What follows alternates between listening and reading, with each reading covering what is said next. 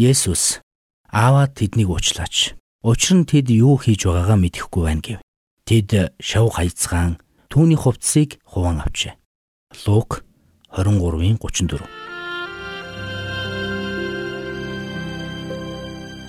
Мэргэний сонсог, мэдлэгийн тэлэг. Ухаалх нь мэрэгэн өдөртөмжийг мөн авах. Доктор Харалт цаалогийн мэрэгэн зөвлөмж нэвтрүүлэг.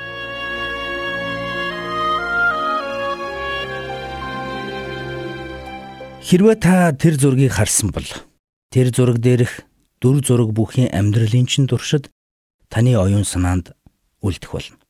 Энэхүү зураг 1970-ад оны үед алдаршиж Вьетнамын дайнын эсрэг тэмцлийн бэлэг дэмдэг болон хувирсан юм. Энэхүү зурагт бөмбөгдөлтөөс уйлан зүхтэж буй хувцсгүй нүцгэн жаахан охиныг харуулсан байдаг. 9 настай тэрхүү охин бөмбөгдөлтөнд өртсөн охин гэсэн хочтой болсон байна. Энэхүү зураг дэлхийд даяар сонин сэтгүүлүүдээр нэгдэрсэн юм. Тэр бяцхан охиныг Ким Пук гэдэг байлаа. Тэрээр өсөж том болсон хойноо тэр өдрийн үйл явдлыг дурсан ярихдаа би тэр өдөр буруу цагт буруу газар байж таарсан юм гэсэн байдаг. Тэрхүү аимшигтай өдрөөс хойш 45 жилийн дараа Ким өөрийн амьдралын түүхийг ном болгон бичсэн байна. Тэрээр өөрийн амьдралдаа үзэж туулсан зовлон шаналл, айц төгшөөр, үзэн ядалтын талаар болон тэр бүхнээс үүдэн бий болсон үзэн ядалт, уур хилэн, гомдол хорслоосоо хэрхэн ангижирсан тухайга номдоо буулгасан байна.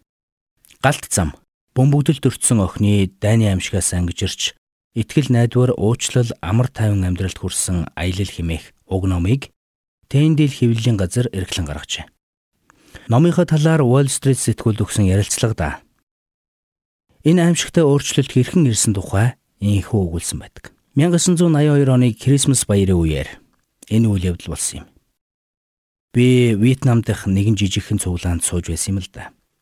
Тэр үеэр пастор Хоо Хюха Христэд итгэгчид бидний сайн мэдэх нэгэн зүйлийг номлосон. Крисмас баяр бол бидний нямбайлан боогод сүлд модонд ороо тавьдаг бэлэгний тухай биш. Харин хүн төрлөختөнд Бурхны өгсөн төгс бэлэг болох Есүс Христийн тухай баяр гэдгийг тэр хэлсэн юм. Түүний номлолыг сонсож суух тэрхэн мөчөд миний зүрхэн дотор ямар нэгэн өөрчлөлт явагдаж байгааг би мэдэрсэн. Миний амьдралд тохиолдсон аимшигт үйл явдлаас хойш 10 жил өнгөрсөн байсан ч миний дотор амар тайван үнэхээр хэрэгтэй байсан. Зүрхэндээ маш их үзен ядалт, гомдол хорслыг тээж байсан юм. Харин тэр өдөр би тэр бүх үзен ядалтаа хойш тавиад Есүс Христэд заа гэж хэлсэн гэж тэр бичсэн байна. Улмаар итгэлийн замаар алхаж эхлэх үедээ Ким Есүс загалмаа дээрээс ааваа тэднийг уучлаач. Учир нь тэд юу хийж байгаагаа мэдэхгүй байх хэмээн залбирч байсны дагуу тэр өөрөө ч бусдыг уучлах ёстойгоо ухаарчээ.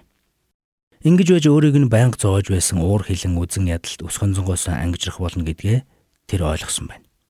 Тэрээр үлдсэн амьдралынхаа туршид бөмбөгдөлтөнд өртөж, түлэгдсэн, гар нуруу хүзүүгүй эмчлүүлэх ёстой болсон юм.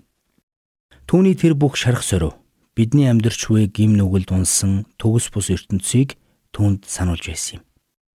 Өөрийн зовлон шаналлын улмаас бусдыг үзен ядах хангалттай шалтгаан түүнд байсан. Гэсэн ч тэр уучлах сонголтыг хийсэн. Нэгэн удаа би дэлхийн 2 дугаар дайны үеэр Оросын шоронд хоригдож байсан нэгэн эмэгтэй гэрт очив юм. Тэрээр шоронд байхдаа зодуулж нүдүүлэн маш их зовлон эдэлсэн байсан. Тэр эмэгтэй амьд үлдэхийн тулд хог түн идэж шоронгийн өрөөнд дотроо жижигхэн гал түлж дулаацдаг байсан тухайга надад ирсэн юм. Танд тэгж хандсан хүмүүсийг та үзен яддгүү гэж намайг асуухад тэр хэсэг бодол хийснэ. Би тэднийг үзен яддгүй.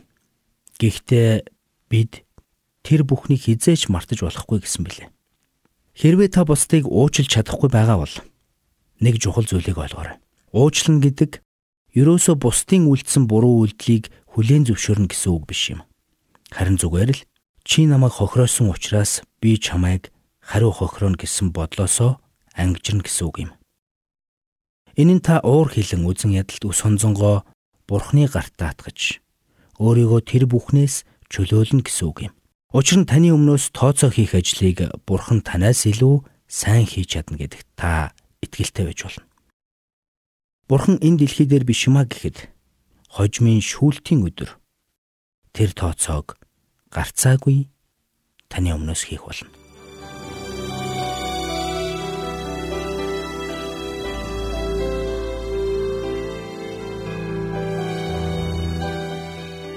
Мэргэн нэгнийг дагвал мэргэн, мулгуутай нөхөрлөл хорлол. Доктор Харалт Салигийн мэрэгэн зөвлөмж нэвтрүүлгийг танд хүргэлээ.